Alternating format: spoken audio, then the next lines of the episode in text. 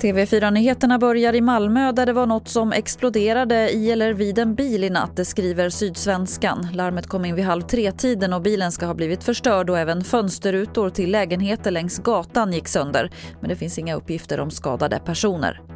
Så till Göteborg där flera skott ska ha skjutits in i en lägenhet på hissingen i natt. Man har skjutit in genom fönstren till en lägenhet på bottenplan. Ingen ska ha skadats. Polisen har inte gripit någon misstänkt. Från USA kommer rapporter om att coronautbrottet i Vita huset fortsätter att öka. Senast i raden att smittas är en av Trumps främsta politiska rådgivare, Stephen Miller. Han är också president Trumps främsta talskrivare. Och vi avslutar med att rocklegendaren Eddie Van Halen, gitarrist i Van Halen, har avlidit i sviterna av halscancer.